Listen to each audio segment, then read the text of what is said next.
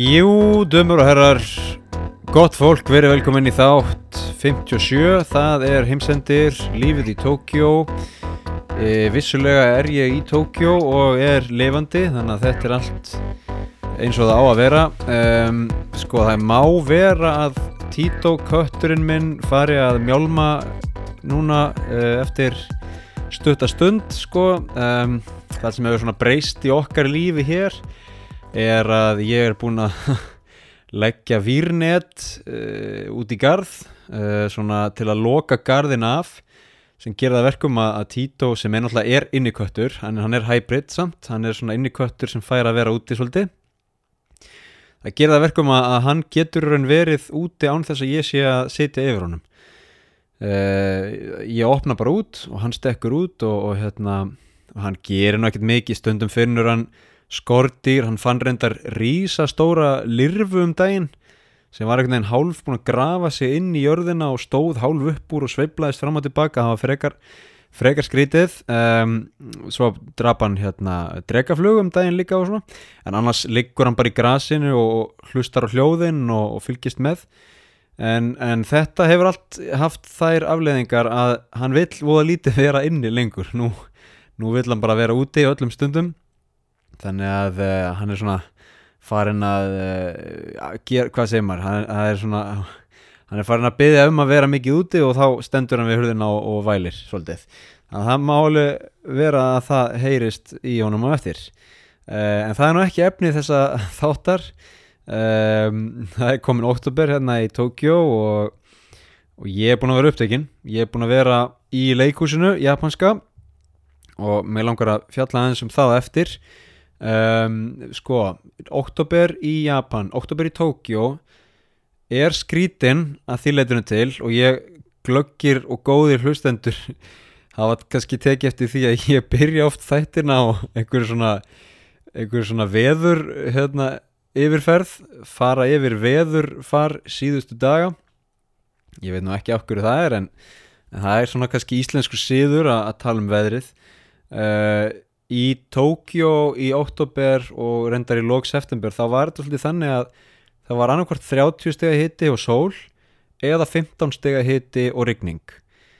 Upp og niður, upp og niður, upp og niður. Um, minni mig á Ísland. Þetta gerir það að verkum að, að það er rosalega erfitt að ákveða í hverju maður á að vera.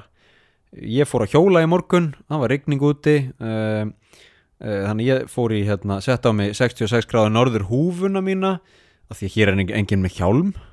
Ég var að hjóla og ekki með hjálm það er ekki gott, maður á ekki að gera það en, en ég var bara eftir að kaupa mér hjálm, skiljuru um, og ég hérna, fór líka í 66 gráðu norðu peysuna mína til, til að vera í stíl.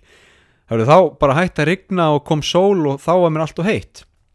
Kem heim alveg kófsveittur um, og hérna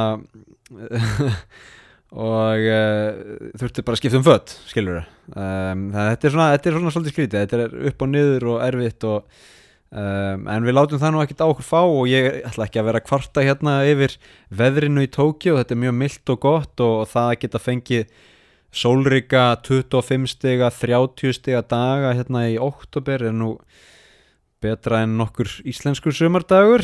Um, þannig ég ætla nú ekki að kvarta við því Sko, ok um, markmið, markmið nei, málefni svona, svona uh, þessa þátt, þáttar er kannski aðalega að tala um reynsluna, upplifununa að vera að vinna í japansku leikhúsi með japanskum leikhóp. Um, ég ætla aðeins að fara yfir hvað ég var að gera í síðustu viku og svona hvað, hvað var áhugavert við það og hvað, hvað, hvað ég læriði og hverju ég tók eftir Uh, við ætlum ekki að fara rosalega djúft í einhverja svona, einhvern svona leikhús nördaskap um, en þetta er allt mjög áhugavert sérstaklega bara líka þegar kemur að menningar muninum á Íslandi og Japan.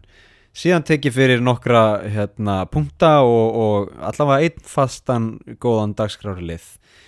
En mér langar að byrja á því að tala um það sem heitir Edakugo og þegar maður segir svona hluti með japanskum hreim þá, þá kannski hérna uh, áttar maður sér ekki á því hvernig þetta er skrifað sko. þetta er borðið fram rakugo en þetta er náttúrulega skrifað rakugo R-A-K-U-G-O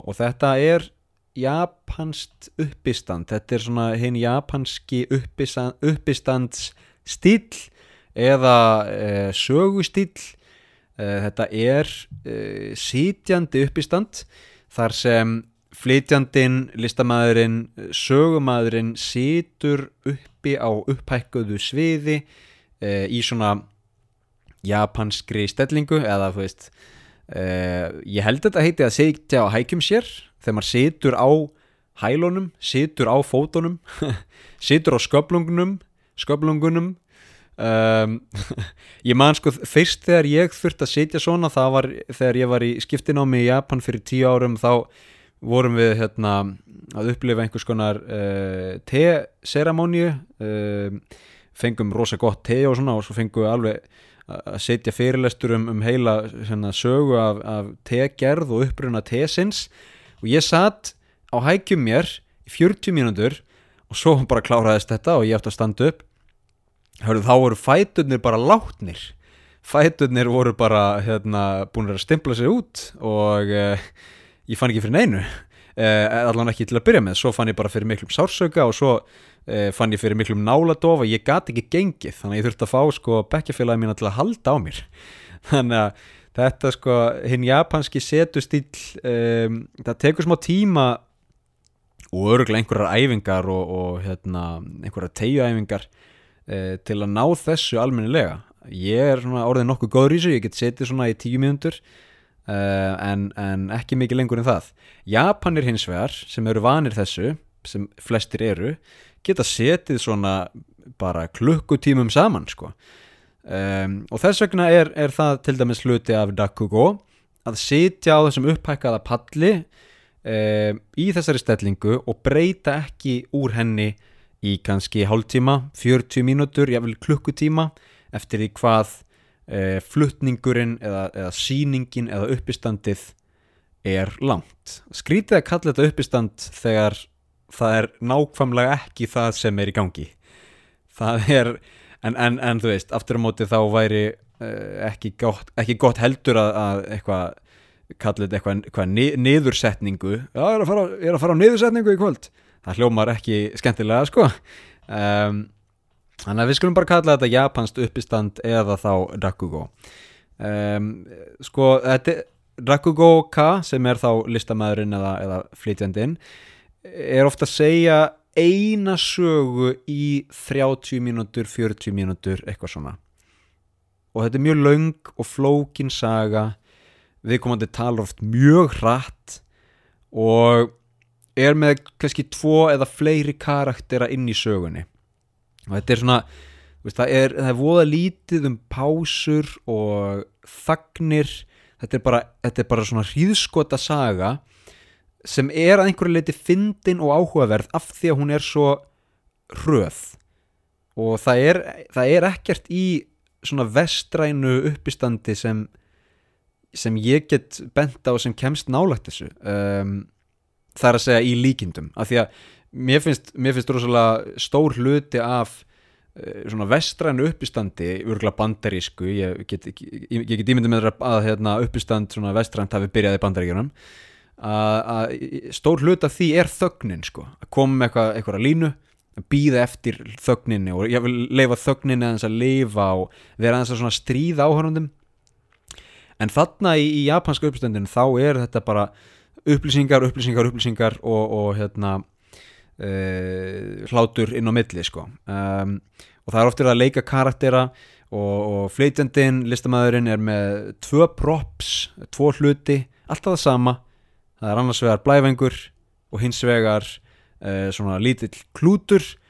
Og þessi tvö props eru nótuð á rosalega skilvirkan og áhugaverðan hátt uh, þau geta verið hvað sem er í raun það er mjög oft í þessum sögum þá er eitthvað að borða og þá verður blæfengurinn eins og eh, svona prjónar sem er verið að borða með.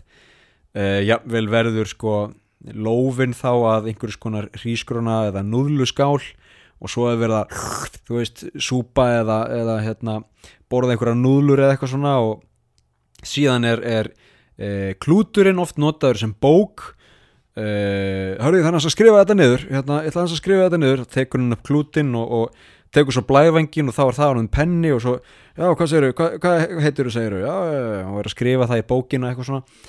Um, og þetta er allt gert á rosalega fíngerðan en svona uh, sko skilvirt er ekki alveg rétt að orðið en þetta er, þetta er rosalega svona kvast og vel æft.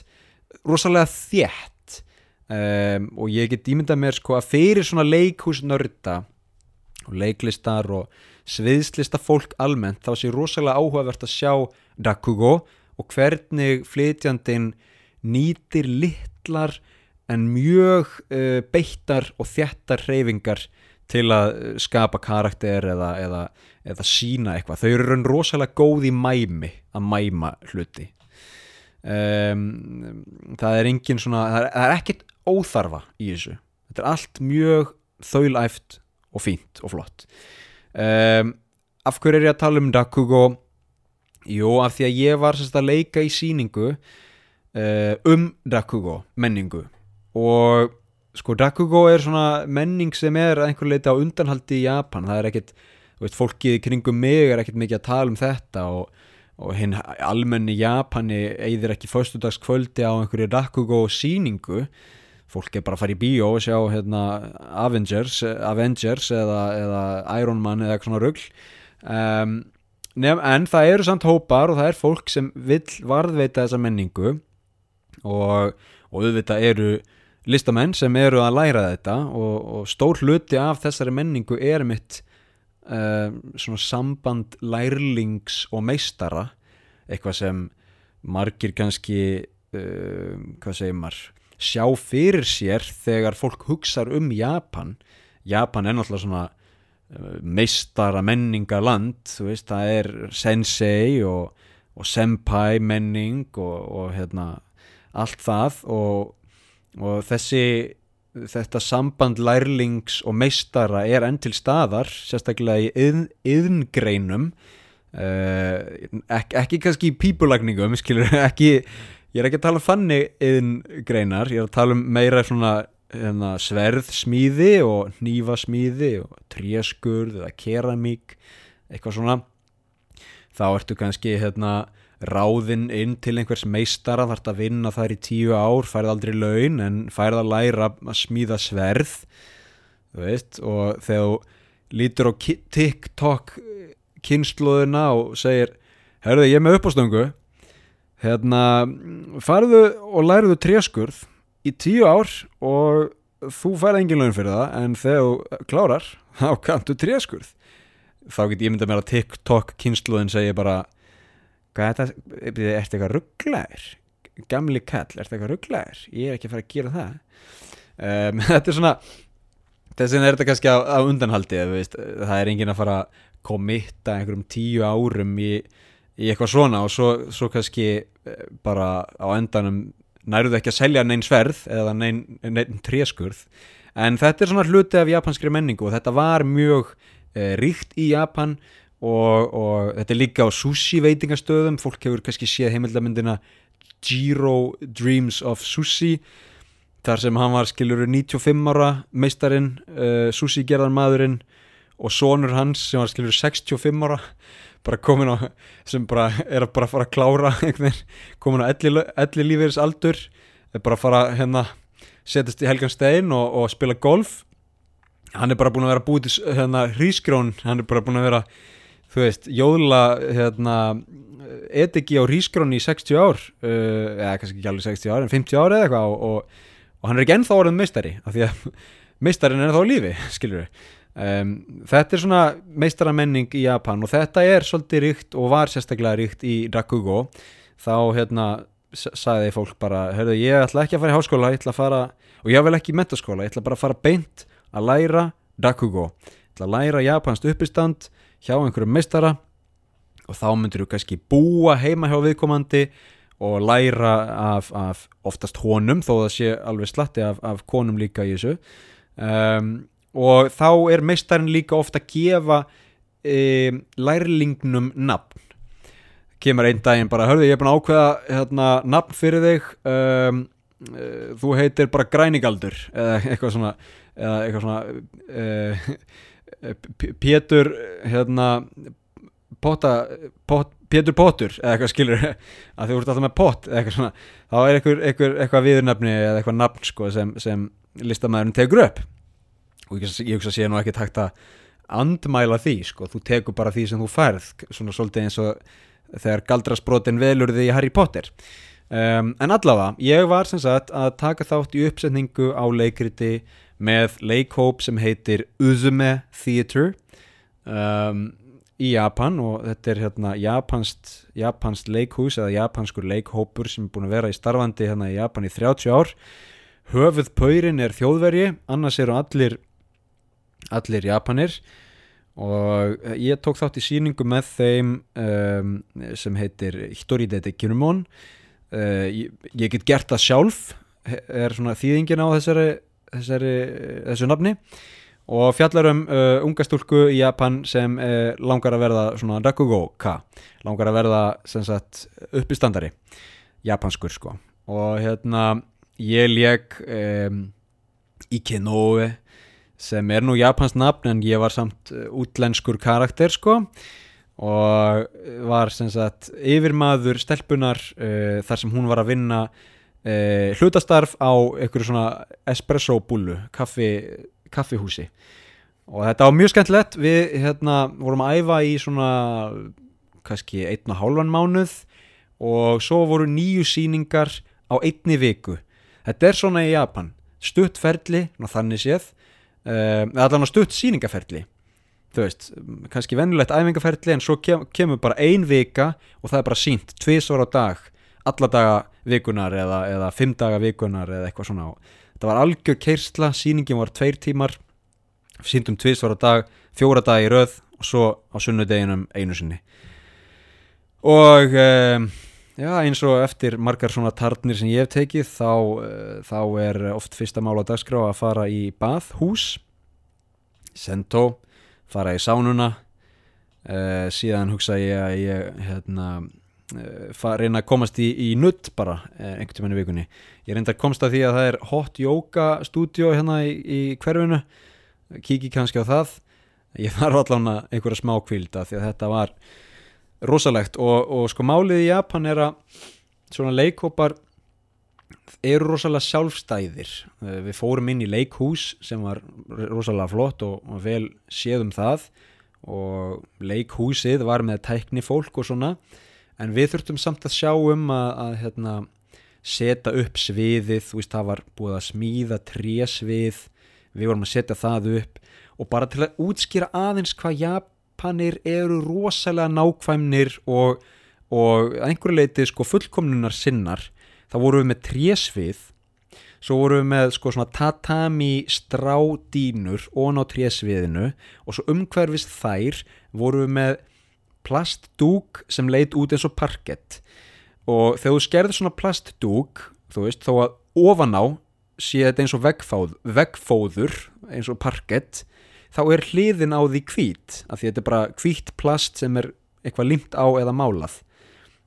Hörðu, við limtum dúkin á sviðið en þá er náttúrulega hvít rönd allan ringin og við erum að tala um að hún sé svona 5 mm þú veist. Það er engin áhorfandi að fara að horfa á sviðið og taka eftir hvítu röndinni á hliðinni á plastdúknum. En Japanin er uh, fullkomlunan sinni að einhverju leiti Þannig að við tókum svartan túspenna og lituðum hvítu röndina svarta allan ringin. Yes.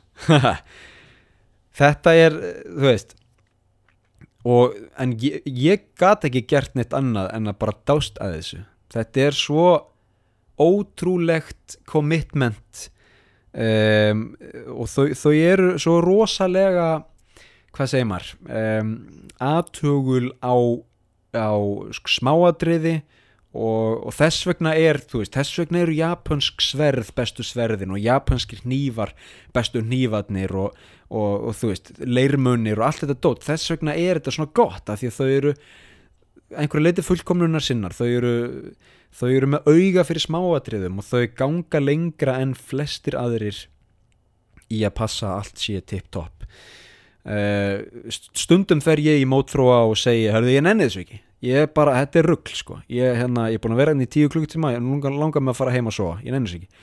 En af því að þau eru öll svo uh, hvað segir maður, þau eru öll svo sko uh, gjöful á tíma og orgu þú veist, þau vilja bara vinna og láta hlutina gerast og, og, og vinna fyrir hópin og þeim finnst ekkert mála að fórna smá af sínum eigin enga tíma fyrir um, síninguna sem heild fyrir hópin þá get ég, þú veist, þá er ég þá er þessi skoðun mín og hugsun ofta ekki langlýf, ég verð bara hérna, viðkjanna það, þetta, mann er svo svampur sko, þetta er bara svona osmósast inn í mann, þessi japanska menning. Og, og hérna þó að einslenski mótþróin og, og einstaklingshyggjan og, og sálfstæðið og allt það sé svona einhverju leiti innra með manni þá hérna, kemur þessi japanska menning og hún svona hún, eh, já, hún er einhvern veginn smitast og blæðir inn í mann. Það, og það hlýtur að vera bara gott. Það, þannig læri maður.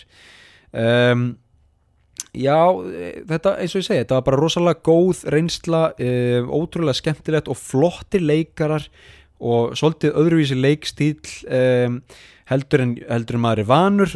Aðeins minni realismi, aðeins meira svona, aðeins skærari litir en voru, við vorum öll að spila saman leik, við vorum öll hérna, á sama blaði og þá virkar það.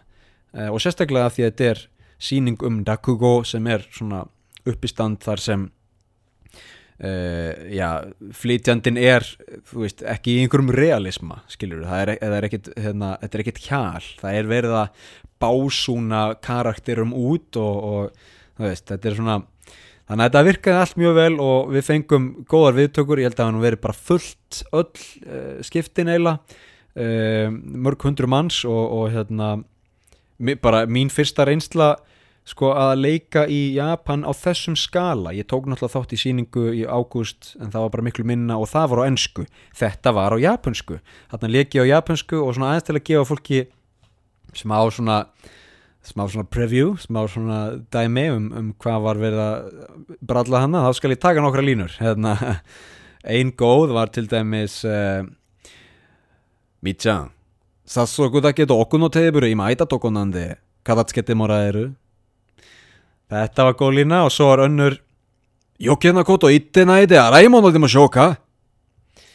Þannig að Þetta, þetta var, veist, þetta er bara svona, þetta eru línur sem hérna, komið hann fyrir í kaffiseinunni og þetta var mjög gott sko. Og, og það var mikill húmor í þessu verki og við vorum að leika okkur með það og, og hérna svona húmor í bland við alvarleika, húmor í bland við, uh, já eitt, eitt megin þemað í verkinu var til með skeðsjúkdómar og, og við vorum svona að leika okkur með alls konar liti og og hérna, já, bara mjög skemmtilegt eh, ég hlakka til að svona sjá hvað áhorfendur ég hlakka til að heyra hvað áhorfendum fannst um síninguna af hverju segi þetta? Jú, af því að í Japan þá fá áhorfendur um, svona eh, blað og penna og geta skrifað umsögn um síninguna beint eftir síningu um þannig, og ég, ég veit ekki hvað er gert við þetta en ég ætla að spurja leikóparinn hörru, við erum komið með hana, fullt af umsögnum uh, hva, og feedback, komment hvað hva, hvað var verið að segja eitthvað svona. Uh, það verður áhugavert að átt sig á því. Og eitt svona að lokum hérna að því nú búin að bladra um, um, um uh, þetta leikhús og, og þessa upplifun í, í, í langan tíma. Það sem kom mér líka óvart, það sem var mjög skemmtilegt við þetta allt saman var um, hvernig síningar kláruðust? Um, það var bara þú veist hver karakter, hver sena svona, hver hópur fyrir sig kom fram á sviðið neyði sig fyrir áhöröndum það er bara eillegt, það er á Íslandi líka. En síðan stöndum við öll í línu og um, einhver einn úr síningunni sem er oft, er oft sko fasta, fastur meðlimur leikhópsins ég er til dæmis ekki fastur meðlumur leikhópins, ég var bara gestur gestar hlutverk eða þannig uh, en eitt, fastur meðlumur um, upprunalega meðlumur uh, segir uh, eitthvað, eitthvað í líkingu við þetta Góður gestir, takk fyrir að koma á síninguna. Þetta var 30. og 8. skipti sem við setjum upp síningu við hérna í leik, leikhopnum Uzume Theater og uh, þetta var Historitið Dekirumón og, og það var hérna, skrifað af, af uh, þessari konu og hún stendur hérna með okkur og gefum henni klapp. Já, takk fyrir það. Hörðu og síðan hérna minnum á það að þið getið þá bara hérna Það er ennþá til lausir miðar, þannig að þið getið færið á Facebook, Instagram og Twitter og sagt fólki að þetta hefði verið algjör snild og endilega hérna, gerir það og það hjálpar okkur og svona. Hörðu, síðan eru að selja varning, uh, það er, er, er verið að selja bóli hérna frammi, það er verið að selja uh, svona Rakugo Klut sem er, sem er búið að teikna á uh, og hún hérna Utsida Sungiku, hún teiknaði á hann og hún er hérna með okkur og uh, síðan er söngkonan hérna Susteri Óta, hún er hérna með okkur líka og hún er að selja gestaldiska á 500 krónur. Síðan er, er, er önnur söngkona Kei hérna, Okuma og hún er að klassisk söngkona reyndar en hún er að selja gestaldiska líka þeir eru undir á 2000 krónur, oftast eru það á 3000 krónur en, en bara í dag það eru á 2000 krónur. Þannig að endilega hérna uh, farið fram og, og, og, og kaupið einhvern varning og svo bara þökkum við kjallaði fyrir okkur við hérna í Uzumi Theater þökkum kjallaði fyrir okkur, takk kjallaði fyrir okkur.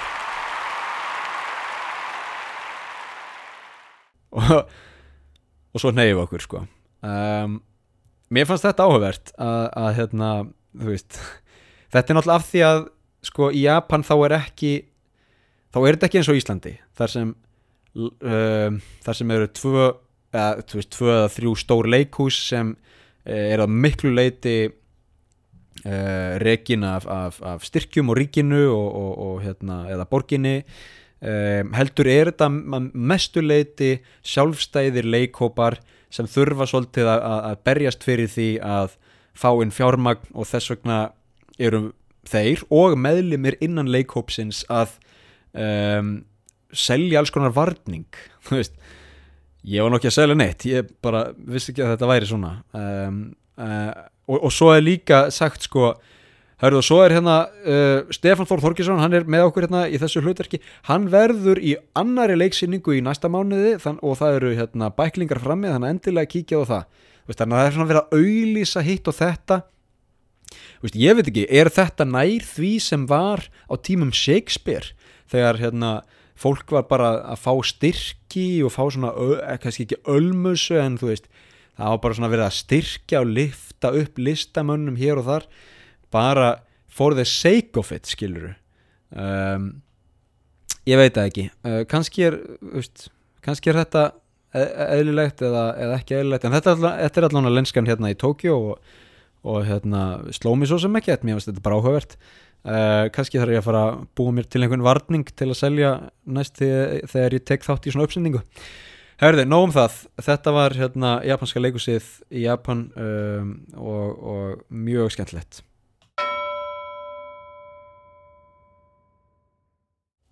Ok förum í einn fastan lið aðeins svona til að uh, jarðbinda þetta. Um, jarðtengja þetta. Um, uh, japansku hodnið katakana vikunar sko, mér langar að fjalla um hvað japanska er og ég, ég hef örgulega minnst á þetta áður en, en mér langar að fjalla um hvað japanska er lík uh, innbyrðis. Þar að segja japansk orð eru oft mjög lík uh, innbyrðis það er ekkit rosalega mikill fjölbreytileiki e, í orðum.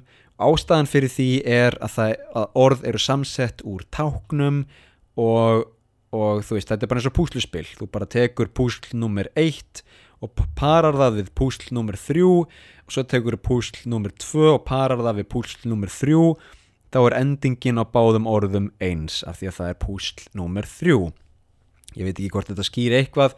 Tökum nokkur dæmi. Og þetta er ástæðan fyrir því ég er að fjalla um þetta er að því að ég haf oft brent mig á því að rugglast á, á einhverju smáadriði sem skiptir samt rosalega miklu máli í Japan og í japansku að því að það breytir algjörlega meiningunni.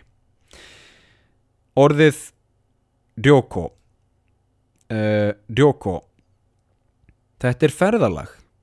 Ryoko e, þú getur sagt hérna, Rjókosuru ég er að fara í ferðalag. Eða ég er að fara að ferðast.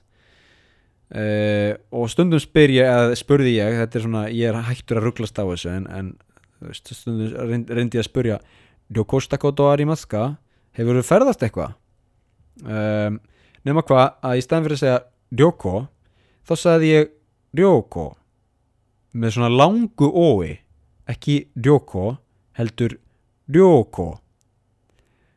Það er kvennmannsnafn kvennmannsnafnið Ryoko. Um, og þá sagði ég Ryoko stakoto arimaska og fólk er bara veitu nú þið, hvað er það að segja?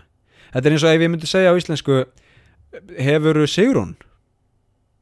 Eða hefuru hefuru hefuru Krisbjörg skilur um, sko en fyrir mér þá er svo lítill munur á þessum orðum að bara út frá samhenginu þá hefðu þau átt að fatta þetta. En í þeirra augum eða í þeirra eyrum öllu heldur þá var ég bara að segja hafið þér aðalbjörg? Og þau bara skilja ekki neitt. Um, þannig ég þurfti að læra þetta. Ég þurfti að læra það að hvernmannsnafnið Ryoko er ekki það sama og ferðalag Ryoko.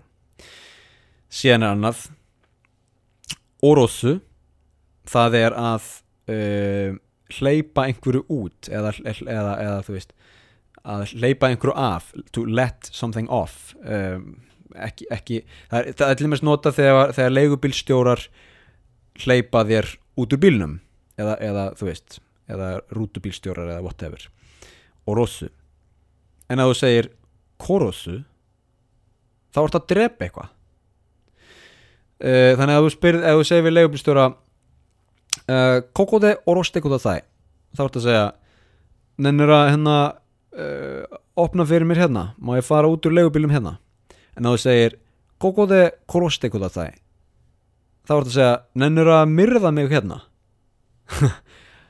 Ekki gott að rugglast á því. Um, Shibai. Shibai. Leiksýning eða að leika? Shibai Shibai það er um, þegar maður drullar upp á þak að gera mistök failure uh, Shibai og Shibai þetta er ekkert svakalega mikill munur en mjög mikill munur á meiningunni. Og þú, og, og, hérna, þú veist uh, þú, þú, gætir, þú gætir auðveldlega minglað þessu eitthvað illa upp sko. Uh, herru, sástu hérna fóst í leikúsið í gær? Litla klúðrið sem það var þú veist, en þá ertu kannski bara að segja já, ég fór á síningu uh, rugglar því. Að þið skiljið, þið skiljið. Ok, síðan er annað hérna. Ég hús? Ég nei ég hús. Ég nei.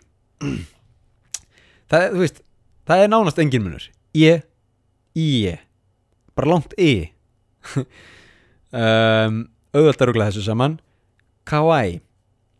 Uh, það er eitthvað svona sætt, cute. Þetta er mjög oft notað í Japan. Kawaii ne og ákvæði þetta er sætt. Það veist, sagt um kannski börn eða eitthvað svona. Kawaii um, hræðilegt eða, eða, eða hérna, skeri um, býtu nú við, okkur get ég ekki uh, okkur mann ég ekki hvað skeri er á íslensku? Wow, þetta er nú ekki gott. Uh, hryllingur? Nei.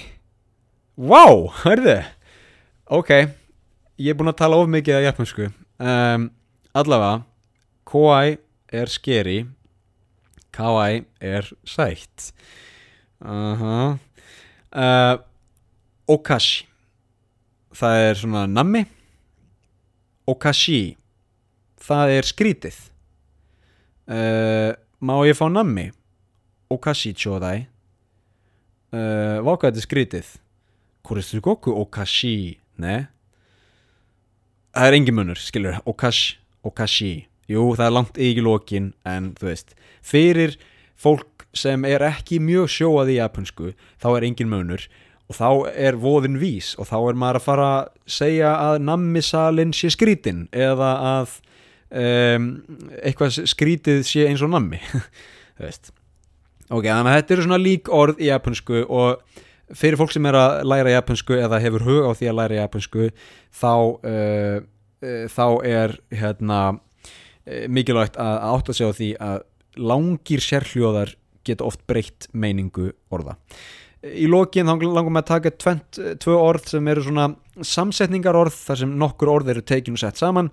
Um, mjög vinsæl réttur í Japan oft kallar það svona japanst soul food sem er svona, uh, svona comfort food uh, ég veit nú ekki hvað íslenska orðið yfir það væri uh, eitthvað svona þegar það er svona rigning úti og, veist, og ja, kannski þegar maður er svona svolítið lítill í sér eða eitthvað þannig þá er gott að fá sér oyakodong. Oyakodong er uh, beinþýtt sem um, uh, foreldri og barn í skál fullri af hrísgrónum ok um, þetta er sem sagt uh, ok, ég ætla að reyna að vera mjög stutt orður. Í Japan þá er mjög mikið um rétti sem enda á dong sem þýðir bara að það er skál botnin er fullur af hrísgrónum og svo er eitthvað drasl sett ón á, það getur verið rár fiskur, það getur verið e, nautakjöt eða í þessu tilfelli e, steikt egg og kjúklingur. Egg og kjúklingur steikt saman stundum með lauk stundum eru eggin svona hálfsteikt e, og, og hérna þetta er semst málið, þú veist. Foreldrið er kjúklingurinn barnið er eggið um, oyakodong. Þannig að þetta er, svona, þetta er, þetta er smá hérna sick sko, þú veist, þetta er smá svona þetta er smá svona ekki lægi skiluru, að vera að tala um að þú er búin að steikja foreldrið og barnið saman og setja á hrísgrjón en í Japan þá er þetta svona uh, þetta er svona uh, rigningar, rigningardagsfæða soul food, uh, comfort food og yakodong síðast en ekki síst Tabak Communication. Tabak Communication Tabak Communication. Samsetning orðana Tabakko og Communication. Communication er, er samskipti. Það er ekki japansk orð en það er svona Japan, japanskað ennskt orð og Tabakko sömuleiðis uh, er endar ekki úr ennsku heldur kemur frá Portugal og þýðir náttúrulega bara síkarettur um þetta er bara, þetta er bara orð yfir samtölin sem maður á þegar maður er úti að fá sér smelli uh, réttu og þetta er mjög vinsalt í Japan. Uh, það er mjög mikið um reykingar í Japan og fólk er mjög mikið fyrir það að fara út eða, sko, það þurfi ekki eins og að fara út. Þetta er ekki eins og Íslandi þar sem, þar sem fólk fer út og reykir. Uh, þó það sé reyndar að verða meira þannig núna en, en ég mann þegar ég kom fyrst í Japan þá var sko fóstu fjölskylda mín hún var að reykja bara í bílnum, bara no problem.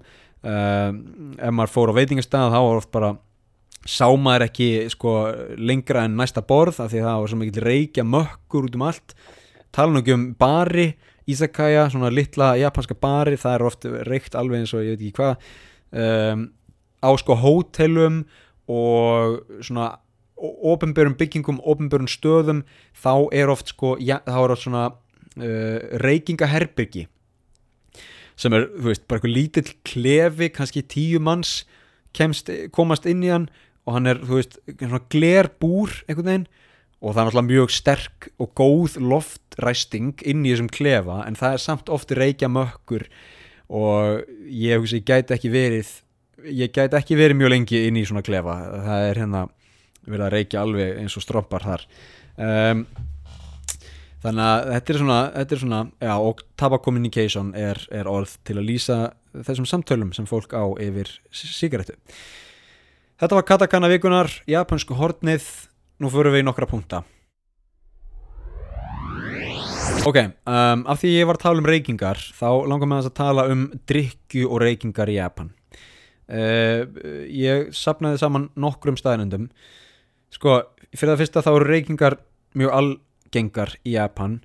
Uh, það sem er áhugavert við í reykingar í Japan er að fólk er ekki að reykja Malbor og, og uh, hvað heitir nú Ulvaldin Kamel um, þú veist það, það, það er verið að reykja japanskar sígarettur eða allavega japansk um, brönd uh, japanskar tegundir. Veist, Japan er svona land sem er rosalega sjálfstætt að því leitunum til og þau búa til sitt stöf þau, og ef þau gera það ekki þá allan að merkja þau það upp á nýtt. Veist, þú, þú fer, ég veit talað um áður þú ferð ekki, þú ferð ekki út í búð eh, út í livja, þú ferð ekki út í livju og kaupir eitthvað frá Actavis eða, eða, eða hérna, Pfizer. Veist, það er það er örgulega búið að búa til eitthvað japanst uh, samheita liv og merkja það allt á japansku og þú kaupir það. Uh, Japanir held ég að séu bara svona stoltir svolítið af sinni eigin framleiðslu og vilja hafa allt bara japanst og fínt. Þannig að ef þú kaupir sígarettur í Japan ég meina auðvitað getur keft Camel og Marlboro það er ekki það en, en þú ert örgulega að fara að kaupa eitthvað Seven Stars eða eitthvað dót sem er eitthvað japanst skilur nú reiki ég ekki og, og, og hef aldrei gert þannig að ég þekki þetta ekki nóg vel en eða, eða, eða, ég kannski þekki þetta bara hæfilega vel. En hérna staðrindin er svo að 27% japanskara karlmanna reikir ég hugsa að fyrir konur sé það kannski helmingur 10-15% um, þetta er svolítið stórtala þetta er meira en fjóruðungur þjóðarinnar. Og ég meina að veist, þú ser þetta bara út á allt, þú ser þetta bara út á götu og, og hérna, það er mjög mikið að reykja á, á börum og veitingastöðum.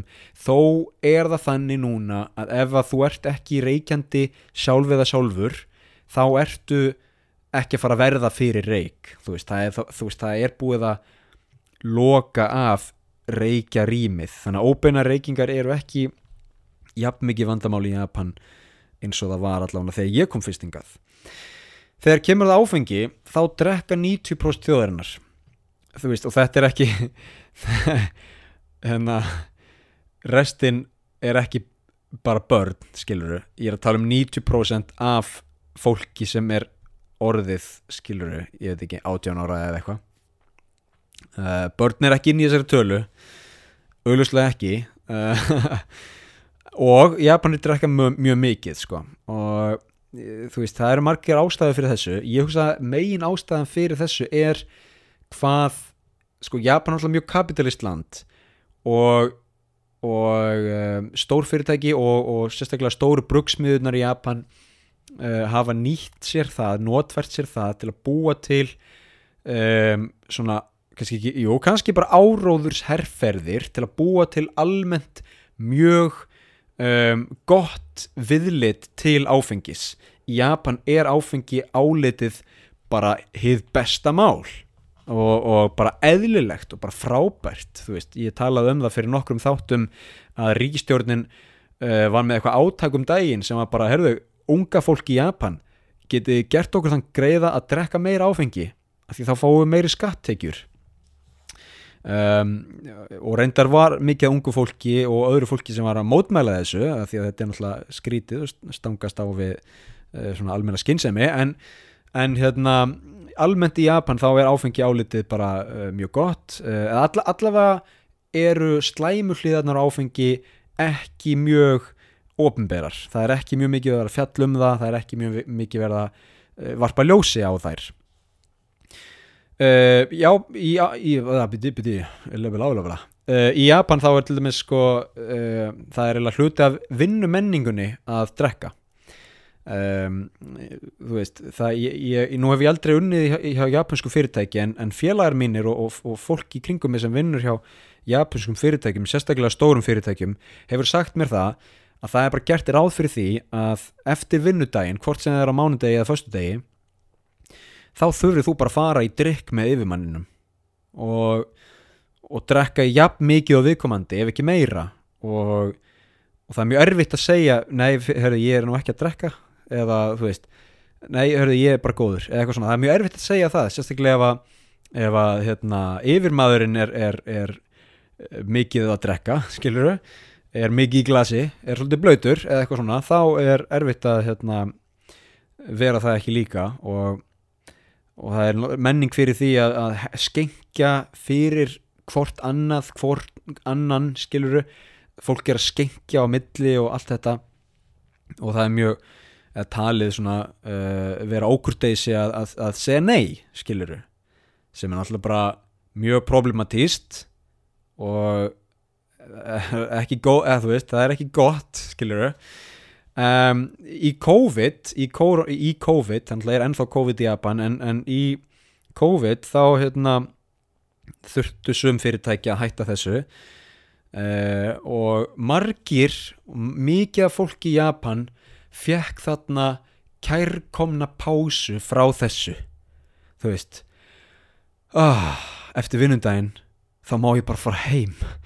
Ég má bara fara heim og ég get bara fara í bath eða, eða sánuna og ég get bara fara að snemma að sofa ég get vakna á morgun ferskur. Þú veist. Þannig að COVID hafiði þessi jákvæðu áhrif og blessunlega hafa sum fyrirtæki átt að segja því hörðu uh, ok nú er COVID svona aðeins minna. Uh, við gætum alveg farið að, að djamma núna aftur en ef ekki bara að sleppa því. Ha, ef ekki bara að sleppa því. Þú veist, þannig að sumfyrirtæki eru aðeins farin að draga í land með þetta af því að ég meina þetta er náttúrulega ekkit þetta er ekki, þetta er ekki gott þetta er ekki góð menning þetta er ekki, þetta er ekki eðlilegt að vera alltaf að neyða fólk til að vera að drekka áfengi. Um, já. Önnur ástæði sem ég sá líka er hérna uh, að Japan er svo örugt land sko að og það er svo lítið um enga bíla skilur þannig að þú veist svona uh, auðvitað eru mjög margar neikvæðar afleðingar þess að drekka áfengi í Japan. En þú veist, fólk að keira drukkið, það er alveg mjög lítið um það að því að fólk tekur bara lestina. Japan er svo örugt þú veist, þú, maður er ekki rændur maður er ekki, það er ekki ráðist á fólk, skilur þannig að ég vil þó að fólk sé uh, mjög ölvað og sé að rölda heim eða eitthvað svona eða, eða ég vil bara bara, bara, bara drepist, skilur áfengistöða á, á einhverjum almenningsbekk þá gerist búða lítið. Það, það er, er ekkit handtekið en eitt þannig að veist, ég, ég hef séð dauðadrukkið fólk sko bara ráðast á lauruglufjóna og löggan er ekki að skiluru piparspreja það eða, eða teisa það eins og eða skjóta það eins og væri kannski á, á sögum stöðum á þessari plánuðu heldur eru er japanski lauruglufjónar bara mjög næs bara hörðu félagið hvar áttu heima? Á því að skilur þú skuttlaðir heim eitthvað svona. Þannig að þú veist það er svona um, já það er mjög auðvelt að vera hérna, mjög drikkveldur í Japan. Um, síðan er um, eitt svona í viðbót við þetta að bæta að uh, það er þetta er svona þetta er svona, þetta er svona eitthvað rögvilla og, og, og uh, þetta er svona ringrás um uh, oh my god sko. Þetta er ringurinn skiluru þetta er svona ringrás, þetta er svona vítarhingur, þetta er svona vítarhingur sko, í Japan þá vinnur fólk rosalega mikið. Og þetta er alveg sama, sama þeng, ef að yfirmadurinn fer ekki heim þá ferð þú ekki heim. Ef að yfirmadurinn vill vinna 13 tíma þá verður þú að vinna 14 tíma. Þannig að það er rosalega mikið verið að vinna og og, og það er ekki verið að, að vinna. Þú ert bara á vinnustæðinum, skiljuru í mörgum tilfellum, þú veist þú ert ekki að vinna vinna. Þú þarf bara að vera í fyrirtækinu frá klukkan nýju til klukkan nýju eða eitthvað, skiljuru um, og af því að það er svo mikil vinna þá er lítill tímum í fjölskyldinni þá er lítill tími fyrir þig. Þá er kannski lítill svefn. Og þetta allt eigur undir vannlíðan, ítur undir vannlíðan og fólk hugsaður, oh, ég er búin að vinna svo mikið ég verð, að, ég verð einhvern veginn að gýra mig niður. Ég verð aðeins að þú veist, oh, herðu, ég verð að fá mig drikk ég verð að fá mig drikk þannig að áfengisneisla verður svona eitthvað skona meðal við uh, of mikill vinnu. En þá bara sefur ennþá verð þá verður ennþá minni tíma með fjölskeldunni og þetta eigur undir ítur undir meiri vanlíðan sem er þá, þú veist, meiri drikja og meiri vinna og allt þetta feð bara í ringi og ringi og ringi og þess vegna er uh, þunglindi og, og uh, sjálfsvík stór hérna, vandamál í Japan. Þetta er svona hluti af því hluti af ástöðinni, svo eru margar aðra ástöður auðvitað. Einmannalegi til dæmis, ég kannski fer yfir það í næsta þætti. Um í lokin á þessari hérna, drikju og reykingaumræðu þá er, eru uh, Japanir farnir að pæla aðeins í þessum hlutum og, og það eru blessunlega komnir val, valkostir. Ég fór um daginn á, á smart drink bar það sem eru bara óáfengir drikkir það er mjög mikið í Japanum um 0,5% bjór og ég mann þegar ég var hérna fyrir 10 árum þá var 0,5% bjór eiginlega ódrekkanlegur, hann var ekki góður. Núna er 0,5% bjór eiginlega það eina sem ég drekk um, virkilega góður bjór. Um, og aðrir ófengir kokteilar og drikkir á börum og veitingastöðum og, og margir eru sniðuðir að, að hérna, veist, vera að djama með yfirmanninum en, en, en ekki að drekka skiluru og, og allt það, veist, þannig að fólk er svona, fólk er blessunlega að fara að reyna að minka drikkjuna og, og, og aðeins að, aðeins að kúpla þessa menningu niður. Um, uh, bara í lokin hérna, ég er með svo marga punkta maður, þetta er ekki hægt sko. við erum í, við erum komin í 50 mínútur maður. Herðu ég þarf að geima eitthvað fyrir næsta þátt bara. Um, sko, það er stund- stundum sem maður hérna, uh, ungmenni vera að drekka, en það er nú ekki gott. Um, það er þau getur náttúrulega ekki drukkið heima hjá sér þannig að þá fara þau í almenningsgarða að vera að drekka þar. Og um, ég veit ekki hvað ég get sagt um það það er bara eitthvað, ég upplýði það reyndar ekki þegar ég var í mentaskóla hérna. Það var mjög stramt eftirlit þar þannig ég drakk eða ekkert þegar ég var í mentaskóla hérna sem var náttúrulega bara mjög gott.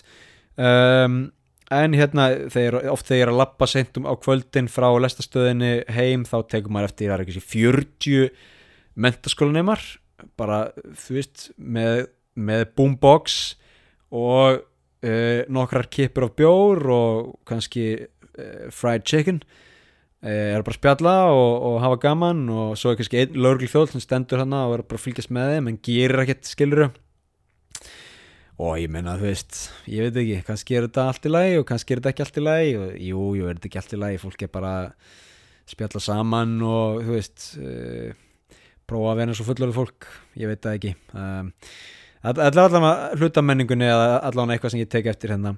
Uh, eitt svona að lokum vá, ég, ég, þetta, er, þetta er svo margir lokapunktar hérna.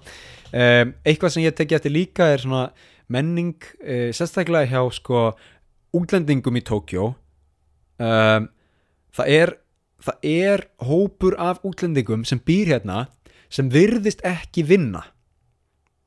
Akkur ég segi þetta sko það er rosalega erfitt fyrir útlendinga að fá uh, vísa í Japan nema og sért annarkvort með fasta vinnu ekki sem leikari skilur, ég hefði aldrei geta fengið vinnu vísa sem leikari. Jável þó ég væri með tekjur til að sína upp á það.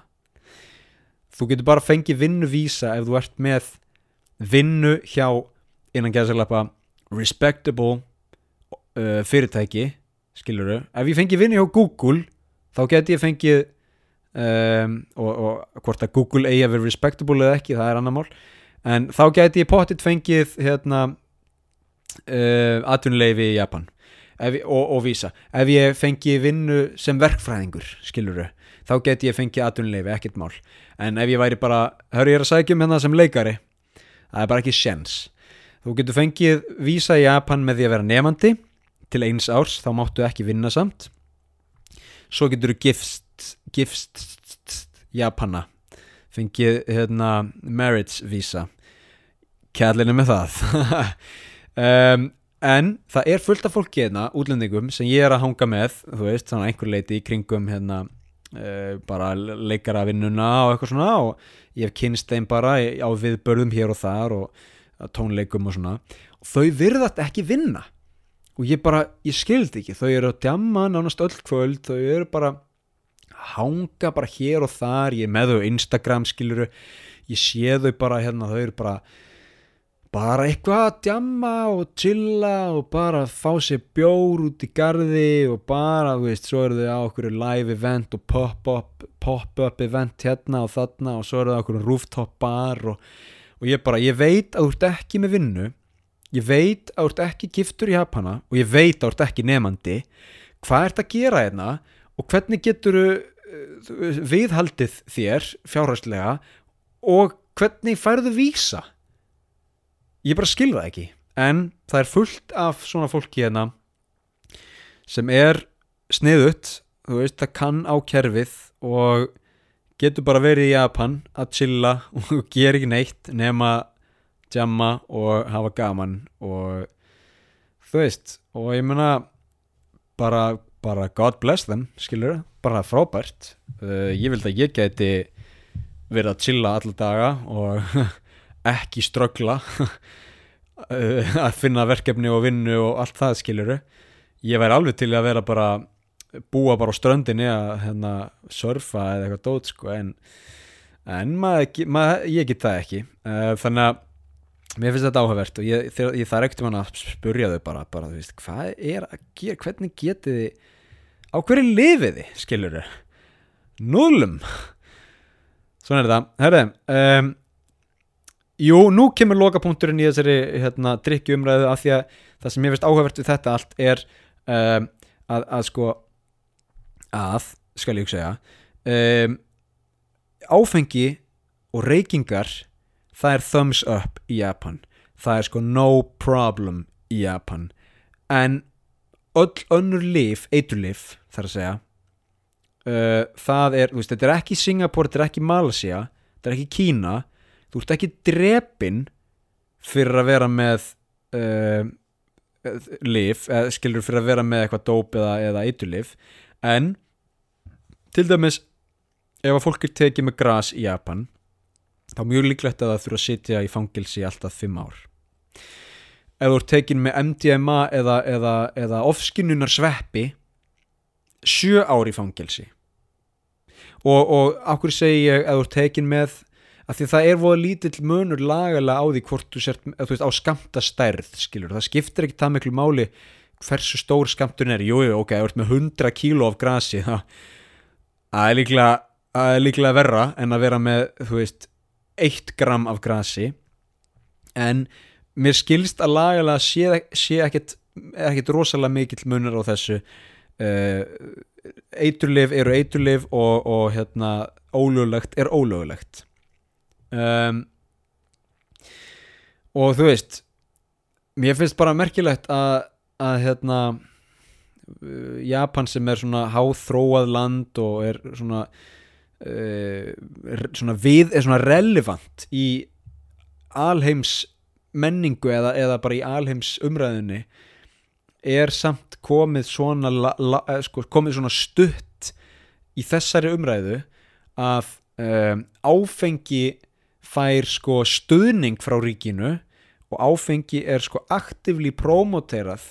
Þú veist það eru markaðs herf, herrferðir þar sem áfengi og, og jafnvel reykingar, það er reynda minna um það en, en allavega áfengi er, er bara hérna, það er, er kvart, fólk er kvart til þess að drekka meira. En ef þú, ef þú ert að reykja gras það er fimm ári fangelsi. Og þú veist ég hef nú ekki rætt þetta við um, japanska pólitíkusa uh, eða meðlimi úr japansku lauruglunni eða eða lögfræðinga í Japan uh, það væri áhugavert. En mín tilfinning er er svo að fólk ætti að draga úr reykingum draga úr áfengisneislu og skoða það að, að vera ekki að fangelsa fólk í mörg mörg ár fyrir uh, neysluskamta af hinnu það er svona mín uh, tilfinning í þessum málum. Og fólk sem er að koma sko frá Íslandi það er nú ekkit að hafa allt og mikla, miklar áhyggjur. En fólk sem er að koma til dæmis frá bandaríkjunum þarf að passa svo að því að þú getur ekki komið með jú, reyndar Íslandi líka að því að þú getur ekki komið með sko lif, þú getur ekki komið með sum lif inn í Japan uh, jafnvel þó að þú sért með livseðil upp á þau. Segjum þú sért með hérna, livseðil upp á rítalín. Þú, þú þarfst að taka rítalín skilur það því að þú ert uh, fyrir skilur fókus eða eitthvað dót. Eða þú er með aðtillisbæra steði og þú ert að taka rítalín skilur það ekki koma með þetta í Japan af því það er ólögt nei nei, þú, ert, þú veist þú ert ekki að fara að sína livskeið, íslenska livsseðilin frá hérna, einhverjum lækni á flugvellinum hörðu ég nú með hérna upp á skrifað nei, nei, nei, nei, nei, þú er bara handtekinn ekki koma með það. Þannig að það er alveg liv sem sem er, sem er kannski lögleg í, á Íslandi eða í bandaríkjunum sem eru ólögleg hérna. Það eru lif þar sem þú mátt alveg vera með á Íslandi ef þú ert með livseðil upp á það en jafnvel þó þú sért með livseðil upp á það þá máttu ekki vera með það í Japan. Fólk þarf að aðtuga þetta. En eða langar að fá þeir hérna tveggja lítra flösku af viski og drekka hana alla í almenningskarði í Japan go right ahead. Það er sko ekkert vandamál. Þú getur keft hana í sko 10-11 og þú getur gert það klukkan 3 um nótt það er sko ekkert vandamál. Um, ok, þetta þetta er uh, þetta eru lokin á, á umræðinu um um drikju og eiturlefi í Japan. Ég ætla að vera, ég er með fullt af öðrum punktum sko. Ég er með fullt af öðrum punktum en ég verð bara að býða með það þangað til í næsta þætti af lífið í Tókjó af því að við erum komin í klukkutíma. Og ég hérna um, það, ég er með tilkynningu sem kemur í næsta þætti af lífið í Tókjó um, þetta er frábær tilkynning. Býðið spennt eftir því. Herði, ég ætla bara að senda góðar kveður frá Tókjó uh, í lokin langar með að spila uh, japansk lag sem við notuðum uh, í síningunni ég veit ekkit hvað það heitir. Ég veit ekki eftir hvernig það er. Þetta er held ég eitthvað hefðbundið lag. Einhvað í tengingu við Rakugo um, stílin þetta er allavega mjög svona flott uh, skemmtilegt lag sem við notuðum í síningunni uh, Hittori de, Kirmon sem ég var í uh, allt til dagsins í gær. Og ég kveð með því. Takk fyrir að hlusta og við heyrumst í næsta þætti